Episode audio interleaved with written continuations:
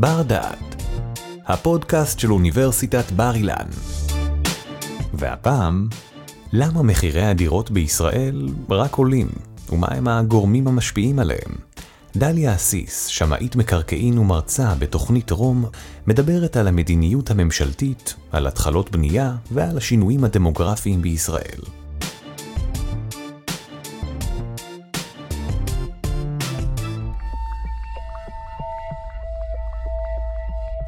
יש אמונה כזו שמחירי הדירות עולים ועולים ותמיד יעלו, ואני רוצה אה, לשחוט את הפרה הקדושה הזו, כי מחירי הדירות ירדו בעבר וכנראה ירדו גם בעתיד.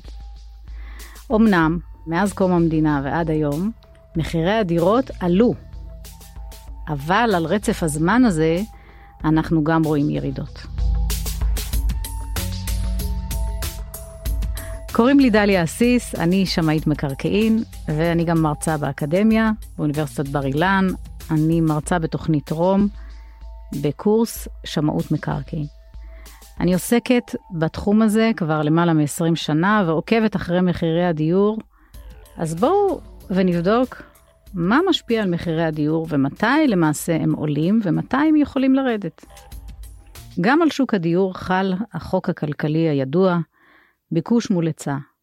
ברגע שהביקוש גבוה יותר מההיצע, המחירים עולים, וכשההיצע עולה על הביקוש, המחירים יורדים. היום למשל, אנחנו נמצאים היום בשנת 2021, לאחר שנה וחודשיים של שנת קורונה, אנחנו נמצאים במצב שההיצע נמוך לעומת הביקוש. משנת 2006-2007 מחירי הדירות בארץ התחילו לעלות, ולאורך עד היום בעצם, עד שנת 2021, וזה נובע בעיקר ממחסור ביחידות דיור. הביקוש עולה על ההיצע. יש לנו אה, שיעור ילודה גבוה פה ביחס ל, לעולם, ואנחנו יושבים על אה, מתחם גיאוגרפי מצומצם שלא ניתן להגדיל אותו. אז בואו נבחן את ההשפעה על מחירי הדיור מצד ההיצע ומצד הביקוש. נתחיל מצד ההיצע. יש לנו שני גורמים עיקריים שמשפיעים על מלאי הדירות, הנוכחי והעתידי. יש לנו את ההיבט התכנוני ואת ההיבט של ההקמה של הדירות. אנחנו קודם מתכננים את הדירות ואחר כך אנחנו צריכים להקים אותן. אז בהיבט התכנוני יש לנו ועדות תכנון שמתכננות את, ה, אה, את כמות הדירות שאמורות להיבנות פה בארץ, וברגע שרשויות התכנון לא מדביקות את הקצב, אז יש לנו פחות מלאי דירות לתכנון גם בהווה וגם בעתיד. בארץ, אה, למשל, ניסו לפתור את הבעיה הזאת על ידי הקמת הוותמ"ל. ב-2014 נחקק חוק הוותמ"ל. אה, הוותמ"ל זה ראשי תיבות של ועדה לתכנון ובנייה של מתחמים מועדפים לדיור. הוועדה הזו הוקמה ב-2014 כשהמטרה הייתה לזרז את הליכי התכנון ולהגדיל למעשה את היצע הדירות במדינה. אלא מה, שהוועדה הזו שהוקמה ב-2014 וב-2015 הוארך התוקף שלה לחמש שנים עד חודש מאי 2020, הפסיקה לפעול במאי 2020. ומה שקרה בשנת 2020 ו-2021, אין לנו, לא הייתה לנו כנסת פעילה, אה, היו, יש בעיות פוליטיות, והחוק הזה פג תוקפו ולא חוקק חוק חדש שימשיך את, אה, אה, את הוותמ"ל, את חוק הוותמ"ל. ולמעשה הוותמ"ל כמעט שנה, אנחנו היום נמצאים ביוני 2021, היא כמעט שנה לא מתכננת דירות חדשות עתידיות. וזה יגרום בהכרח למחסור ביחידות דיור בשנים הקרובות.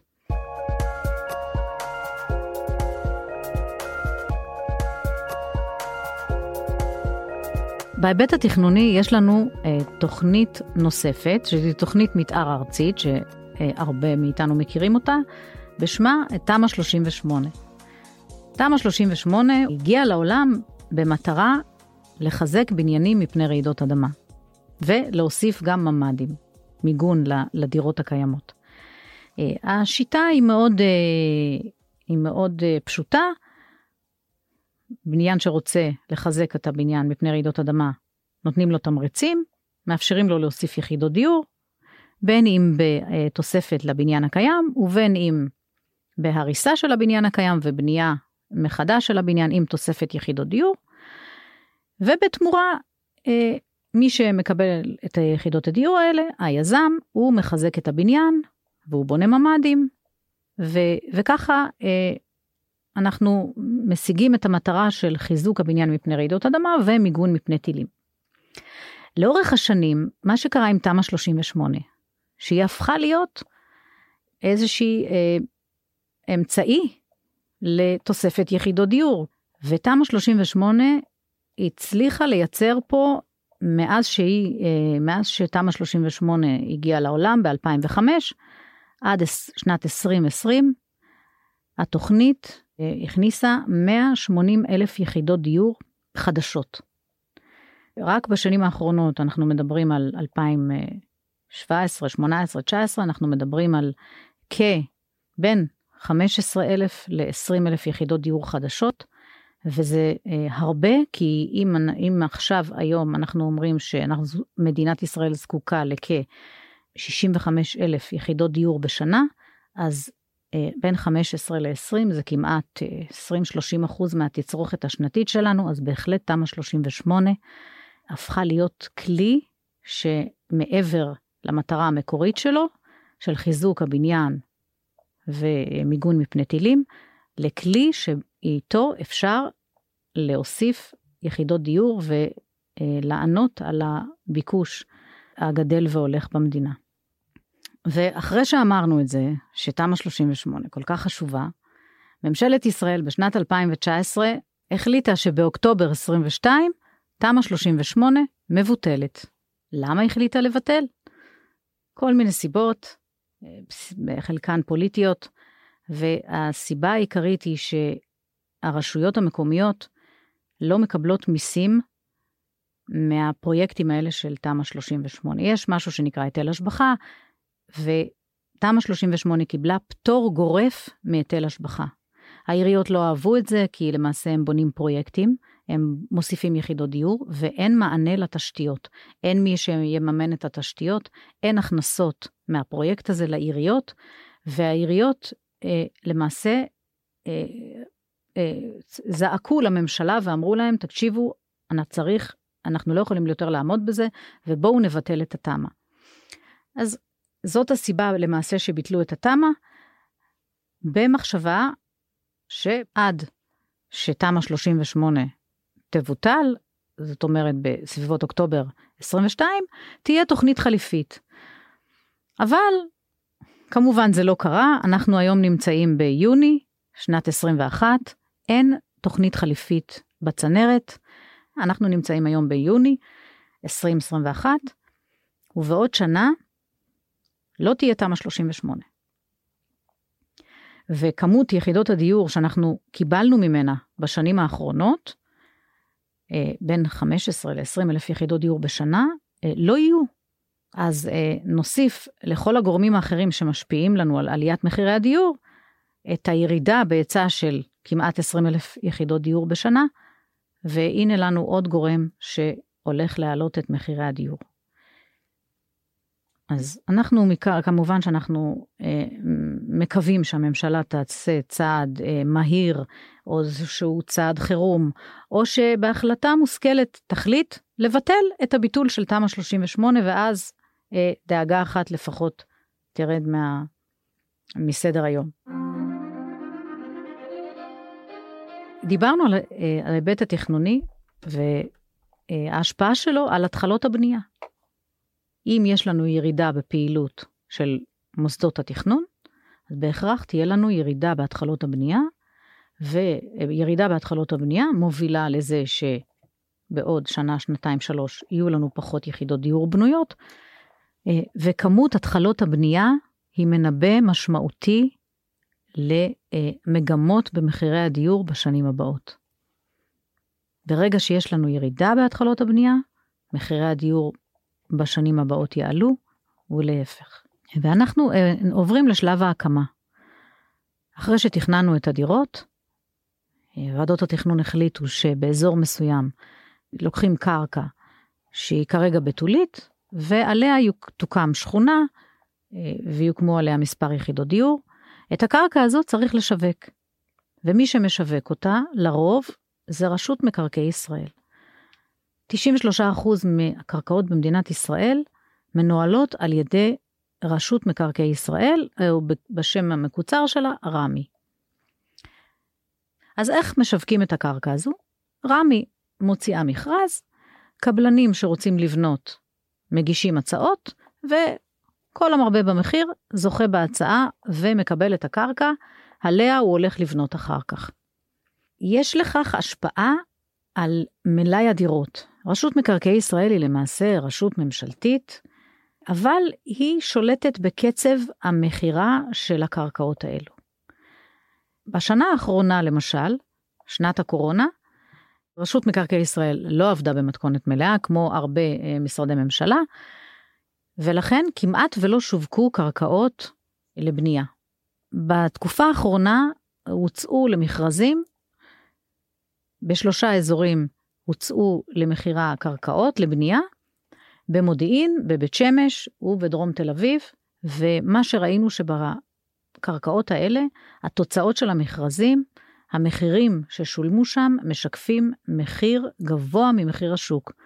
וזה נובע מהעובדה שכמעט ולא שווקו קרקעות, ועל כל קרקע היו הרבה מאוד אה, מציעים, הרבה מאוד קבלנים שרצו לבנות, הקבלנים אה, לא אמורים לשבת באפס מעשה, הם צריכים לתפעל את המערכת והם צריכים לבנות. זו המטרה שלהם, של חברות הבנייה, וברגע שקרקע יוצאת אה, למכירה, אה, היו עליה הרבה קופצים, ולכן הציעו גם מחירים גבוהים על הקרקעות האלה. אחרי ששיווקנו את הקרקע, יש קבלן שזכה בקרקע הזו, והוא אמור עכשיו לבנות את הפרויקט שלו. היבט נוסף זה היבט הבנייה. אחרי שאנחנו מתכננים את יחידות הדיור, אנחנו צריכים לבנות אותן. מבחינת הבנייה, מה שחשוב אה, לבדוק, הגורם הכי משמעותי זה עלויות הבנייה. עלויות הבנייה מושפעות מהמשק. אם יש עלייה בתשומות הבנייה, אז בהכרח תהיה עלייה במחיר הדירה הסופי, כי הקבלנים הרי אה, לא יכולים לפשוט רגל, הם צריכים אה, להרוויח על הדירות שהם בונים. אז בואו נראה איך זה השפיע עלינו אה, בשנת הקורונה. כוח האדם בארץ שעוסק בבנייה, אה, אנחנו מייבאים אותו מחו"ל או מהרשות הפלסטינית. בשנת הקורונה הייתה בעיה לייבא עובדים גם מהרשות הפלסטינית וגם מארצות אחרות בעולם. מה שקרה זה שמחסור בכוח אדם העלה את המחיר אה, לעובדים. המשכורות של העובדים עלו, וזה העלה את תשומות הבנייה. הקבלנים, היזמים היו צריכים לשלם משכורות יותר גבוהות לעובדים שהם כן הצליחו להשיג. אבל לא כולם הצליחו להשיג עובדים, והיו אתרי בנייה שפשוט הפסיקו לעבוד. ברגע שהפסיקו לעבוד, אה, יש איחור בהגשת הדירות, אין בנייה. וזה מעכב את הדירות שהיו אמורות לצאת לשוק במועד מסוים, אז יש איחור, יש איחור של מספר חודשים, אז הנה לנו עוד בעיה במלאי הדירות.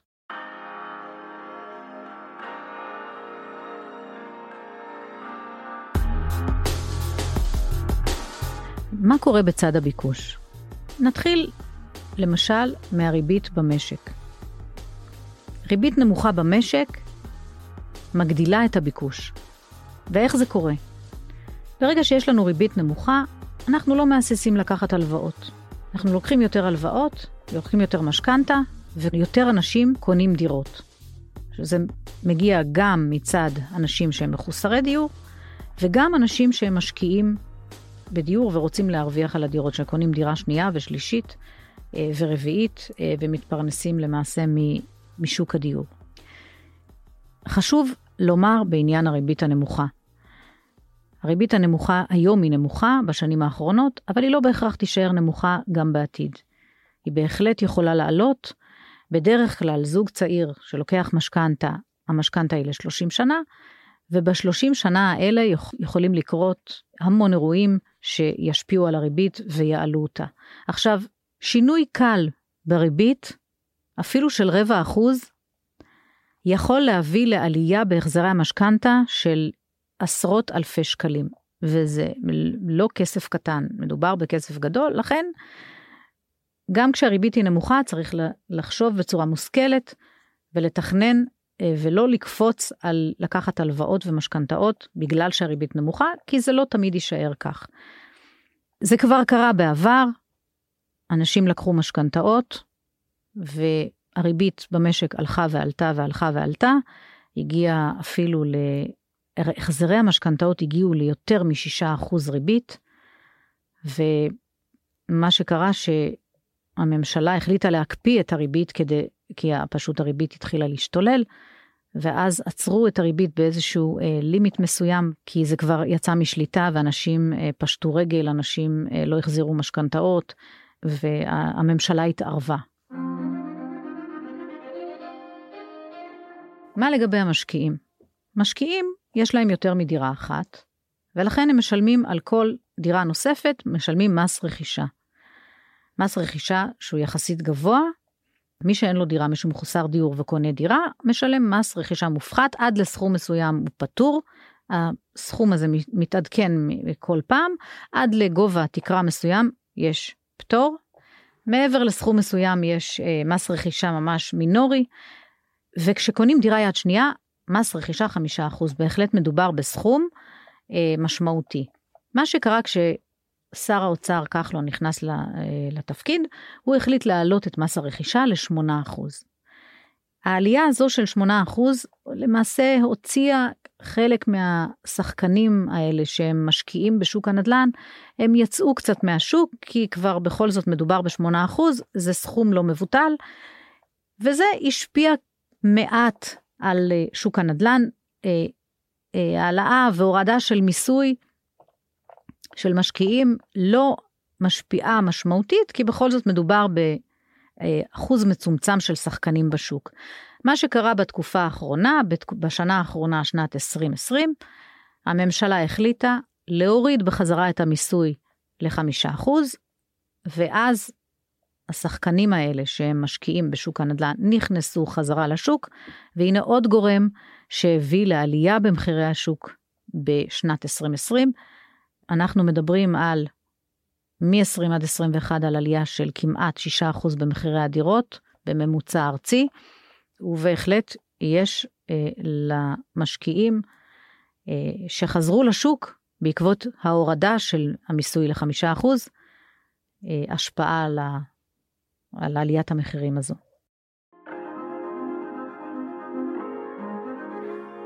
גורם נוסף שמשפיע על הביקוש הוא אה, המצב הכלכלי במשק. בתקופות מיתון ובתקופות שהאבטלה גבוהה, אין כסף לאנשים, קונים פחות דירות, גרים יותר בשכירות, כי פשוט אין להם כסף לקנות, וזה מוריד את הביקוש. יש גורמים נוספים שמשפיעים על מחירי הדירות, שהם אה, ברוב המקרים גורמים שלא צפינו אותם, כמו למשל מהומות, אה, מלחמות. יש לנו דוגמה בשנת 2000, שנת 2000, העיר יפו למשל הייתה בפריחה אה, וחשבנו שאו-טו-טו המחירים שם אה, יעלו, והיא באמת נהנתה מביקוש, עלייה בביקוש לדירות, ואז הגיעו מהומות 2000, היו מהומות, והמהומות האלה גרמו לזה שהייתה עצירה. יפו נעצרה, למעשה עד 2006, רק ב-2006 היא חזרה לפרוח אה, ומחירי הדירות שם עלו ואנשים חזרו לקנות בעיר יפו. אותו דבר כנ"ל קרה בשנה האחרונה במבצע שומר חומות. המהומות שקרו בלוד ובערים המעורבות הביאו לבריחה של אה, משקיעים בערים האלה. אה, זו תופעה שיכולה להיות תופעה זמנית, ובהחלט בעתיד, אה, תלוי כמובן מה יקרה פה, בהחלט הרוכשים יחזרו לקנות. שינויים גיאופוליטיים שיכולים להביא גם והביאו בעבר לעלייה במחירי הדירות, זה אה, בסוף שנות ה-80 ברית המועצות פתחה את שעריה, הרבה יהודים מברית המועצות עלו לארץ. אנחנו מדברים על עלייה של בעשר שנים, משנות, משנת 1990 עד שנת 2000, של כמיליון איש. מדובר בעלייה, בקפיצה של אה, מספר האוכלוסייה בארץ של 33 אחוז בעשר שנים. זה פחות או יותר קפיצה הכי גבוהה מאז קום המדינה בעשור אחד. אה, זה בהחלט השפיע על הביקוש כי המדינה לא הייתה ערוכה לזה שפתאום האוכלוסייה תגדל באחוז כל כך גבוה.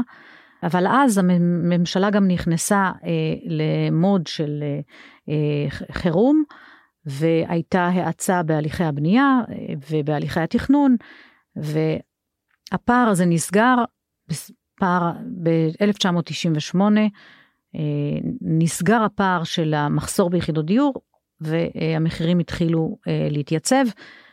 עד לשנת 2006 המחירים התחילו לעלות שוב בארץ בגלל מחסור בדירות.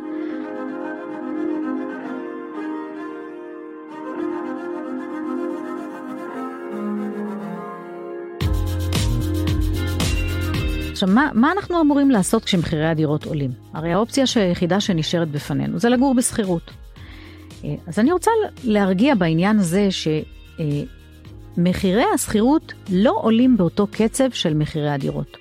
זאת אומרת שאם מחירי הדירות נמצאים באיזושהי עלייה אה, שהיא אה, מאוד, שיעור עלייה מאוד גבוה, לעתים עדיף לחכות, לגור בשכירות ורק אחרי שמחירי הדירות ירדו קצת או יתייצבו קצת, ללכת לקנות דירה, כי מחירי השכירות לא מדביקים את מחירי הדירות. ככל שהדירה, מחיר הדירה עולה, אחוז התשואה יורד. זאת אומרת, התשואה זה השכירות שאנחנו מקבלים על הדירה הזאת למשך כל השנה. ולמה אחוז התשואה יורד? בגלל אותה סיבה שאמרתי קודם, שמחירי השכירות לא מדביקים את קצב עליית מחירי הדיור. אז אם אנחנו רואים שמחירי הדיור בעלייה, אפשר לנוח, לגור בשכירות תקופה, לחכות שמחירי הדיור אה, יגיעו לאיזושהי רמה שאנחנו מסוגלים להרשות לעצמנו לקנות את הדירה, ואז לקנות אותה. לגור בשכירות זה לא מילה גסה, אפשר לגור בשכירות ולחסוך כסף לדירה.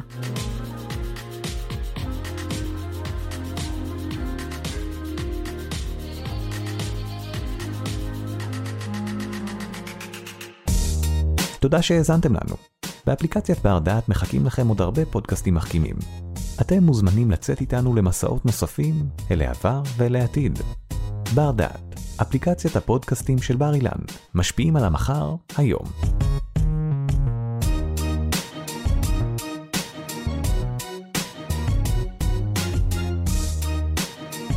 ערך והפיק אורי טולדנו. תודה על ההאזנה.